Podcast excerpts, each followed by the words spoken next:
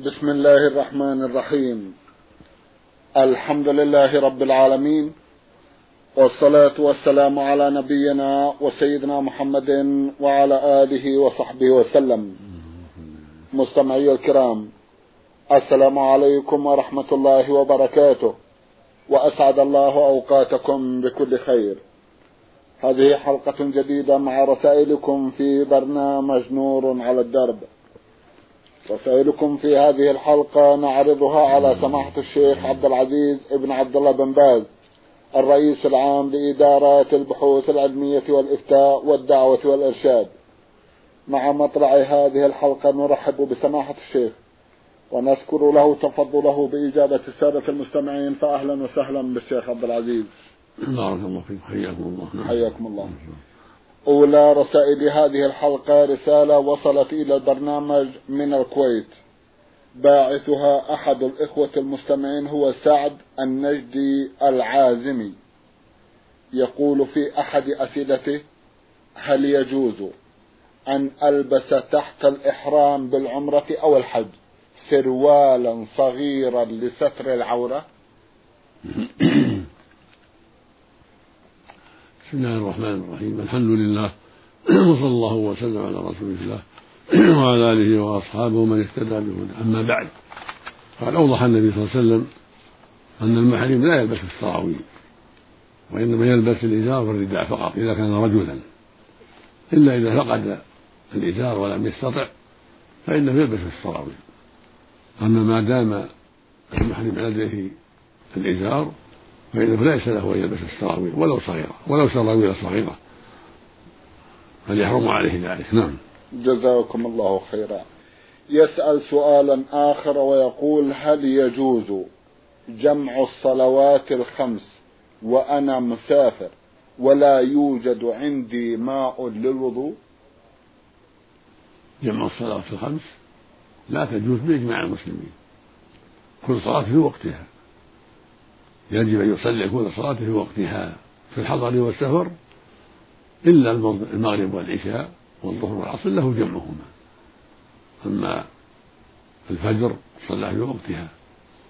ولا تؤخر العصر إلى الليل ولا الظهر إلى الليل. ولا تؤخر المغرب والعشاء إلى بعد نصف الليل. فالمقصود أن على المؤمن مسافر أو غير مسافر أن يصلي الصلوات كما شرع الله. كل صلاة في وقتها. الظهر في وقتها العصر في وقتها المغرب في وقتها العشاء في وقتها الفجر في وقتها. لكن يجوز للمسافر أن يجمع بين الظهر والعصر في وقت إحداهما وبين المغرب والعشاء في وقت إحداهما وهكذا المريض يجمع بين الظهر والعصر في وقت إحداهما والمغرب والعشاء في وقت إحداهما وهكذا في المطر الذي يشق على الناس الخروج إلى المساجد يجمع بين المغرب والعشاء من أجل المطر والدحر. وهكذا بين الظهر والعصر إذا كان مشقة بسبب المطر والدحر على الأصح من أقوال العلماء. أما جمع الخمس في وقت واحد هذا لا يقوله أحد من أهل العلم بل هو باطل. أن يجمع الخمس في وقت واحد هذا منكر عظيم. لا يجوز عند أحد من أهل العلم وإنما يجوز ما ذكرنا من التفصيل. نعم. جزاكم الله خيرا. أما من حيث التيمم فالأمر جائز. التيمم هذا عند عدم الماء عند عدم هو. إذا لم يجد الماء في السفر. نعم. أو كان في الحرم محبوسا عن الماء ممنوعا من الماء يتيمم. فلم تجدوا ماء فتيمم. يقول الله سبحانه فلم تجدوا ماء فتيمموا صعيدا طيبا إذا كان ما حوله ماء ولا عنده ماء يتيمم. والحمد لله. نعم. جزاكم الله خيرا. إذا سافر الإنسان بالطائرة وهو صائم هل يجوز له الإفطار؟ نعم في السفر. يجوز له يفطر في السفر سواء في الطائرة أو في الباخرة أو في السيارة إذا كان سفرا يعتبر سفرا فإنه له الإفطار. ثم إذا نزل في بلده أمسك إن كان نزل في بلده أمسك. أو في بلد قصد الإقامة فيها أكثر من أربعة أيام فإنه يمسك. ويقضي ذلك اليوم الليل الذي أفطر فيه في السفر لقوله جل وعلا ومن كان مريضا أو على سفر فعدة من أيام أخرى. نعم. جزاكم الله خيرا. هل يصح أن آخذ جزءا من مهر موليتي؟ ليس للمسلم أن يأخذ المهر والمولية في شيء إلا أبو إلا الأب فقط. الأب له أن يأخذ من مال من مهر بنته. كان سواء كان ثيبا أو بكرا ما لا يضرها. يأخذ من مالها من مهرها ما لا يضرها. أما شيء يضرها لا يأخذ. لكن يأخذ من مالها الشيء الذي لا يضرها. لما جاء في الأحاديث الصحيحة من الدلالة على أن الأب له الأخذ من مال ولده. مثل حديث عائشة رضي الله عنها عن النبي صلى الله عليه وسلم قال إن أطيب ما أخذتم من كسبكم وإن أولادكم من كسبكم أما أخوها أو عمها أو ابن عمها أو ولدها فليس له الأخذ من مال وليته إلا برضاها إذا كانت رشيدة. إذا أعطته شيء وهي رشيدة مكلفة فلا بأس. أما أن يأخذ من مالها بغير إذنها فلا. أو يعطيه الزوج إذا أعطاه الزوج شيئا هدية من الزوج لا بأس. نعم. جزاكم الله خيرا. رسالة وصلت إلى البرنامج من المستمع ناصر محمد ضمنها جمعا من الأسئلة بعض الأسئلة في فقرات. في سؤاله الأول يقول ما حكم الجمع؟ لمن مر بمدينة ولبث فيها يوم أو يومين. المسافر إذا مر بمدينة أو قرية ونيته الإقامة فيها يوما أو يومين أو ثلاثة لا حرج. أن يقصر ويجمع لأنه مسافر.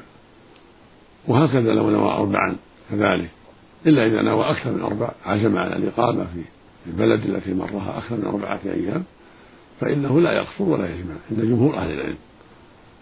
ولكن لا يصلي وحده. الواجب عليه يصلي مع الجماعة ويصلي أربع إذا صلى مع الجماعة. لأن الواجب على على الفرد أن يصلي مع الجماعة لا يصلي وحده. وهكذا الواجب على المسافر إذا صلى مع المقيمين أن يصلي أربعة. هكذا السنة. لكن لو كانوا جماعة وصلوا جميعا وقصروا فلا بأس في ذلك. وجماعوا لا بأس. ما داموا مسافرين ولم يريدوا بالإقامة مدة تزيد على أربعة أيام بل يومين ثلاثة لا بأس بذلك أن يقصروا ويجمعوا.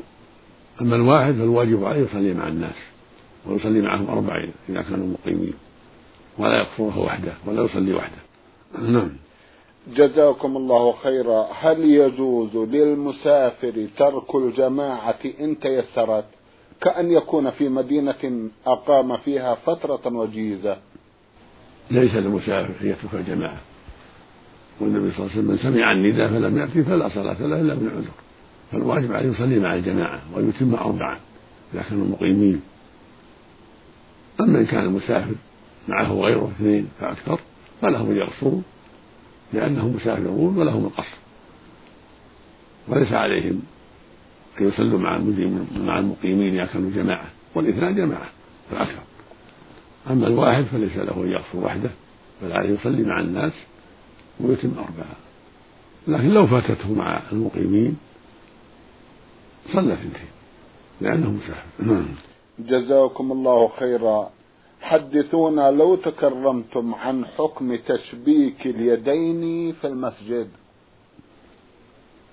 يكره للمسلم يشبك بين اصابعه إذا خرج إلى الصلاة وهكذا حال انتظاره للصلاه وهكذا في الصلاة لأن جاء النبي صلى الله عليه وسلم يدل على كراهة ذلك.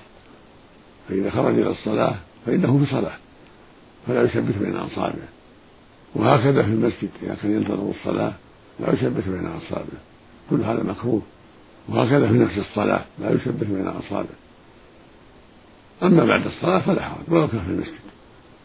بعد الصلاة لا بأس أن يشبك وإن كان في المسجد.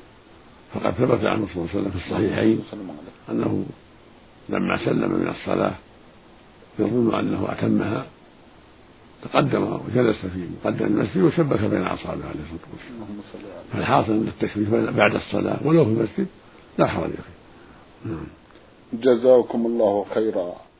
هل صح ما يعتمد عليه في أفضلية تغيير المكان عند كل صلاة نافلة؟ لم يثبت في هذا شيء. جاء في حديث ضعيف يدل على فضل الانتقال عن مكان يصلى فيه لكنه ضعيف عند أبي داود. لكن فعله جماعة من السلف وكان ابن عمر يفعله. كان إذا صلى في مكان صلى في مكان آخر انتقل عنه إلى مكان آخر. وكان أيضا يأمر بذلك. فإذا فعله الإنسان فلا بأس وإن صلى في مكانه فلا بأس. الأمر واسع والحمد لله. الحمد لله. من صلى في مكانه الراتبة فلا بأس ومن تحول عنه إلى مكان آخر فلا بأس. كله طيب. نعم. جزاكم الله خيرا. هل يجوز أن يكون الإمام داخل الصف؟ إذا لم يسع المكان بغير صف واحد أو أنهم يصلون كل جماعة على حدة بالتفريق. يصلون جميعا ويقف الإمام في وسطهم. يقف الإمام وسطهم إذا كان المكان ضيقا. نعم. لا يستط... لا يمكن أن يتقدم فيه الإمام صلوا جميعا وهو في وسطهم والحمد لله. نعم. جزاكم الله خيرا. نعم. ماذا عن الرجل المسافر على الدوام كأن يكون سائقا بين المدن. هل الأفضل له القصر أم الإتمام؟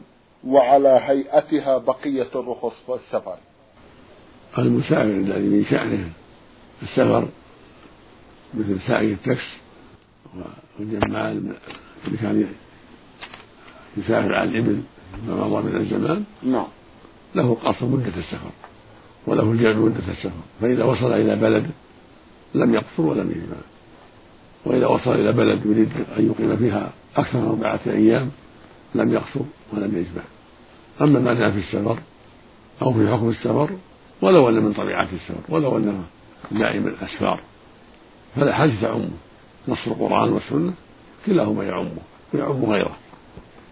فالإنسان الذي من عادته السفر لأنه جمال لأنه صاحب تاكس له أن يقصر في سفره وفي مدة إقامته في البلد التي يمر بها. إذا كانت الإقامة أربعة أيام فأقل إلا أنه لا يصلي وحده. إذا لم يكن معه ركاب وعنده جماعة يصلي مع الجماعة ويتم معهم إذا كانوا يتمون. كما تقدم في السؤال السابق. نعم. جزاكم الله خيرا. المستمع عمر بالعيد مغربي بعث برسالة وضمنها جمعا من الأسئلة. في أحدها يقول هل يجوز للمرء أن يحلق شعره أو يقص أظافره وهو جنب ولم يغتسل بعد؟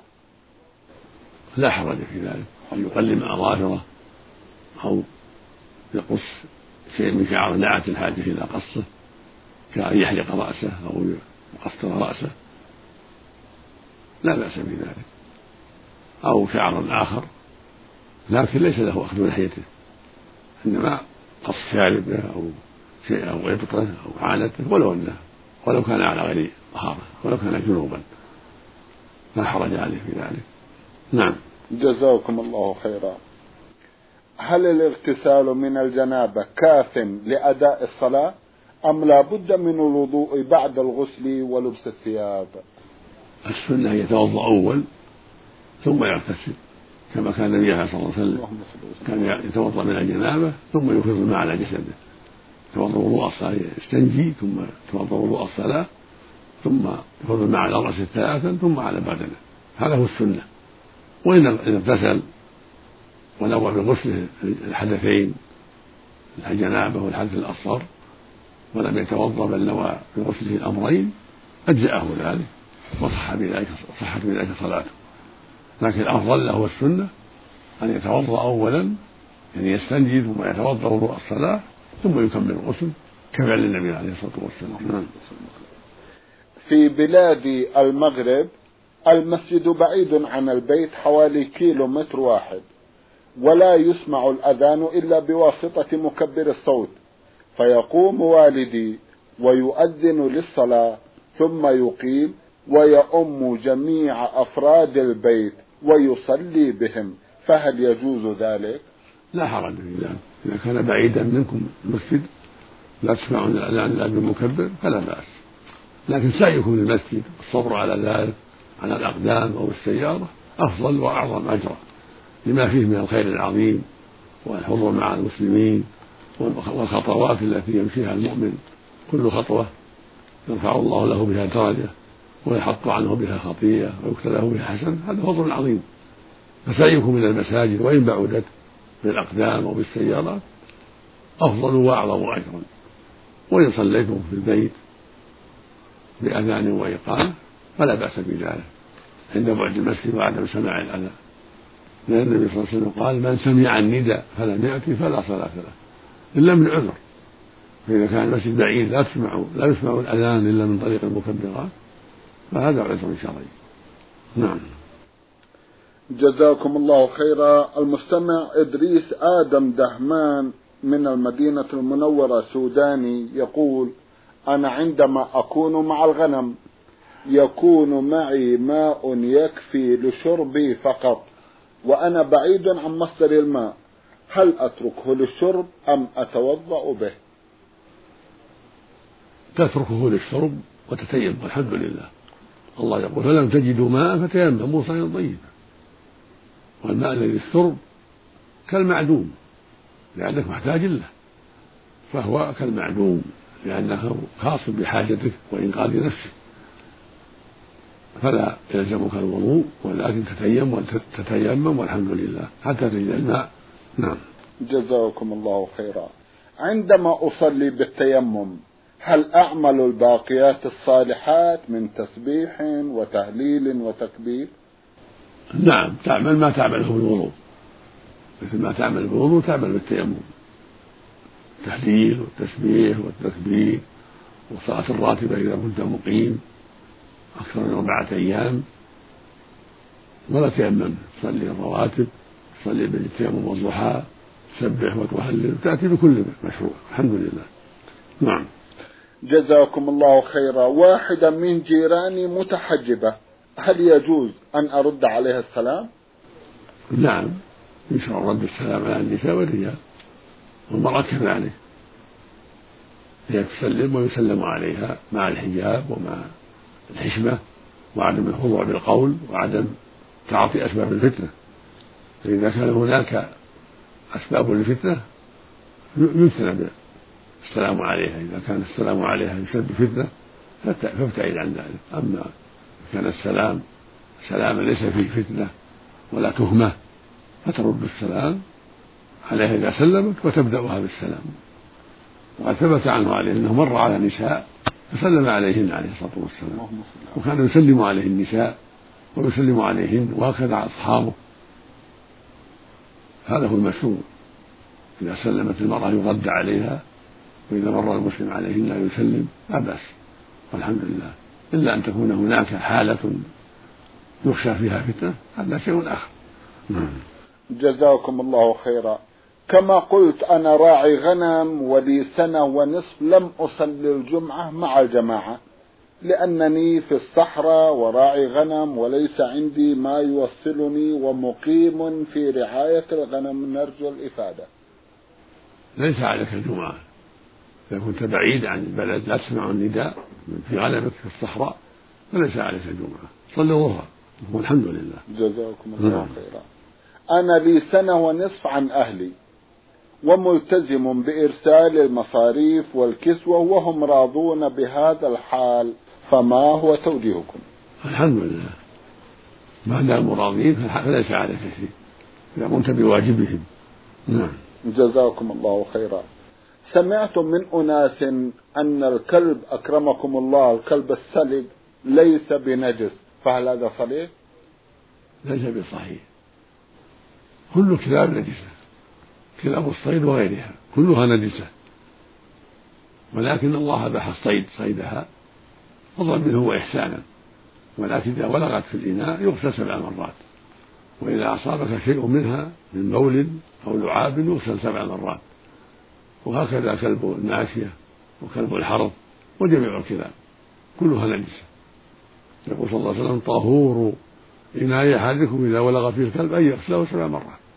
فدل على أنه نجس ويغسل من سبع مرات من ولوغه. لكن أباح الله صيده وأباح الله اقتناءه لأمور ثلاثة للصيد وللحرث وللماشية للصيد يصاد به ويعلم ويصاد به. وللحرث يحمي المزارع عن السراق غيرهم بنباحه حتى ينتبه المزرعة وهكذا الماشية. أن الغنم عن الذئب يحميها إذا سمع صوته الذئب ابتعد عنها وانتبه أهله أهل الماشية حتى يدافعوا عن ماشيتهم. نعم. جزاكم الله خيرا. من سلطنة عمان رسالة بعث بها أحد الإخوة المستمعين يقول أنا مدرس أردني في سلطنة عمان. أسافر إلى هناك للتدريس وأبقى سنة أو اثنتين وأعود إلى وطني في الأردن. فهل في هذه المدة يحق لي قصر الصلاة الرباعية أم أصليها تامة أربع ركعات في هذه المدة؟ رغم أنني لم أتخذ من عمان وطنا لي للإقامة طوال حياتي. الواجب عليك وعلى أمثالك أن تصلي أربعا. ما دمت عزمت على الإقامة مدة التدريس فعليك أن تصلي أربعا. تصلي مع الجماعة ولا تجمع بين الصلاتين بل تصلي مع الجماعة في كل وقت وتصلي أربعا. وهكذا كل إنسان يقدم بلد لحاجة ويعزم على الإقامة فيها أكثر من أربعة أيام فإنه يصلي أربعا ويصلي مع الناس جماعة أربعا ولا يصلي وحده إذا كان ليس معه بل يصلي مع الجماعة ويتم معهم أربعا. ما دام نوى الإقامة أكثر من أربعة أيام. أما إذا كانت الإقامة يسيرة يومين ثلاث أربع أو ما عنده جزم ما يدري متى يسافر إنما قادم لحاجة يطلب غريما أو يلتفت يلتمس سلعة يشتريها ليس عنده إقامة معلومة فهذا له القصر مدة إقامته. ما لم يجمع إقامة أكثر من أربعة أيام فله القصر لأنه حينئذ مسافر ليس له نية معلومة. لكن يصلي مع الناس أربعا إذا كان وحده وهناك جماعة يصلي مع الجماعة أربعا ولا يصلي وحده. لأن الجماعة واجبة. نعم. جزاكم الله خيرا. من المستمع سريح سالم سرحان القرني من أرامكو السعودية في رأس تنورة بعث برسالة وضمنها جمعا من الأسئلة. في أحدها يسأل ويقول زوجة عمي شقيق أبي هل يجوز السلام عليها؟ وهل يجوز أن تكشف لنا أو لا؟ زوجة العم وزوجة الأخ وزوجة الخال كلهن لسن محارم ليس لهن كشف.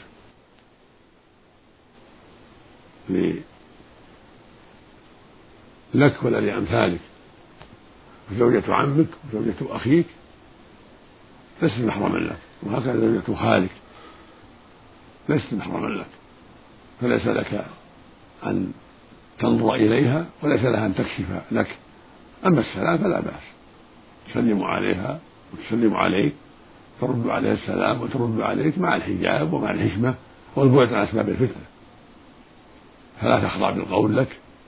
لقوله جل وعلا فلا تخضع بالقول فيطمع الذي في قلبه مرض. تسلم عليك وعلى غيرك وترد السلام أنت وغيرك. وهذا هو المشروع. مع الحجاب والبعد عن أسباب الفتنة ومع الحشمة ومع عدم الخضوع بالقول. نعم.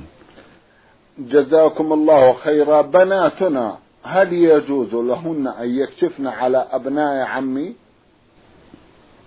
ليس لهن يكشفن على بني عمهن لأنه لأن بني العم ليسوا محارم. نعم لها أن تكشف على عمها وخالها وابن أختها وابن أخيها. أما ابن العم وابن الخال وابن الخالة هؤلاء أجنب ليسوا محارم فليس لها الكشف لهم وليس لها الخلوة بواحد منهم. لقول النبي صلى الله عليه وسلم لا يخلون رجل امرأة إلا ومعه محرم. ويقول صلى الله عليه وسلم لا يخلون رجل امرأة فإن الشيطان ثالثهما وابن العم ليس محرما.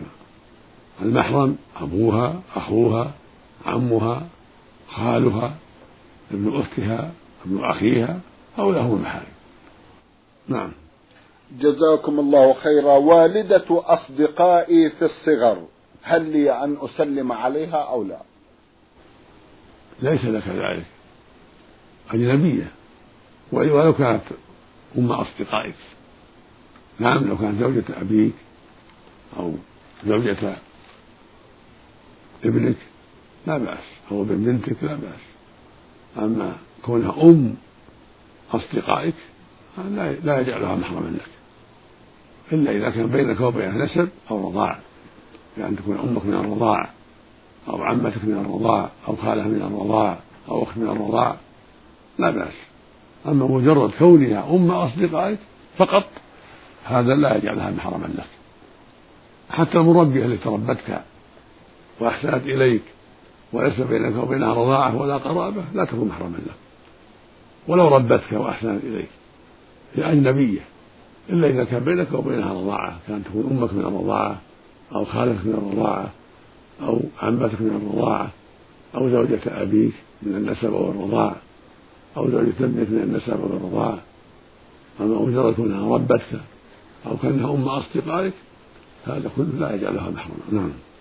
جزاكم الله خيرا. ما حكم وضع الحب أو الماء في مكان معين من أجل أن تجتمع عليه الطيور والحجل واصطيادها؟ لا حرج في ذلك. لا جعل هناك حبا تجتمع عليه الطيور أو شيء غير الحب من الأشياء التي تجمع الطيور. ليصيدها لا حرج في ذلك. نعم. جزاكم الله خيرا. أنا دائما أصلي الوتر أول الليل ثم أقوم آخر الليل وأصلي ركعتين ركعتين بما أقدر عليه دون أن أوتر بعدها. فهل فعلي هذا صحيح؟ وما حكم تكرار الوتر؟ نعم فعلك هذا صحيح. إذا أوتر الإنسان من أول الليل ثم يسر الله له القيام من آخر الليل فإنه يصلي ما يسر الله له ثنتين ثنتين ويكفيه الوتر الأول ويكره لها الوتر ثانيا لقول النبي صلى الله عليه وسلم لا وتران في الليلة والنبي عليه الصلاة والسلام كان ربما صلى ركعتين بعد الوتر ليعلم الناس أنه لا حرج في ذلك. لكن الأفضل أن تؤخر الوتر إلى آخر الليل إذا تيسر لك ذلك. يكون الوتر آخر الليل إذا تيسر. لقوله صلى الله عليه وسلم اجعلوا آخر صلاتكم بالليل وترا. فإذا تيسر لك ذلك هذا أفضل. وإلا تأخذ بالحزم وأوتر من أول الليل وإذا يسر, لك يسر الله لك القيام من آخر الليل فصل ما يسر الله لك من دون وتر اثنتين اثنتين. تسلم من كل اثنتين. نعم. جزاكم الله خيرا. نحن مجموعة أبناء نعيش في بيت واحد ووالدنا معنا. سؤالي زوجاتنا يلبسن الحجاب؟ نعم. يقول نحن مجموعة أبناء. مجموعة أبناء. نعيش في بيت واحد ووالدنا يعيش معنا. زوجاتنا يلبسن الحجاب ويلبسن كذلك لبس الحشمة ولكن يجلسن معنا ويتحدثن كذلك من دون حجاب بيننا وبينهن وهذا يحدث سواء كان أزواجهن موجودين أو كانوا غائبين. سؤالي ما الحكم في هذا العمل؟ وكذلك إذا قام أحدنا بأخذ إحدى زوجات أخوانه ليذهب بها إلى المستشفى أو لزيارة أقاربها وهي متحجبة بطبيعة الحال وأحيانا يكون أبناؤها معها وأحيانا تكون منفردة. أما الجلوس جميعا فلا حرج مع الحشمة والحجاب والتستر فلا حرج. أن يجلس الجميع ويتحدثون فلا بأس بذلك.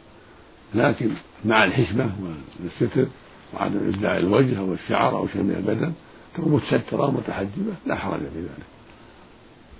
أما الذهاب بها أو الخلوة بها فلا يجوز. في المجلس يكون يخلو بزوجة أخيه ما عندهما أحد لا يجوز. لا في المجلس ولا في الغرفة ولا في أي مكان. لقول النبي صلى الله عليه وسلم لا يخلون رجل امرأة فإن الشيطان ثالثهما ولا يذهب بها للمستشفى ولا للمدرسة وحدها. أو معها ابناء صغار أطفال صغار. لا. هذه خلوة. لكن إذا كان معها أبناء كبار من سبع فأكثر فلا حرج. أو معها امرأة أخرى فلا بأس. ما تسمى خلوة. نعم. جزاكم الله خيرا. سماحة الشيخ في ختام هذا اللقاء أتوجه لكم بالشكر الجزيل. بعد شكر الله سبحانه وتعالى.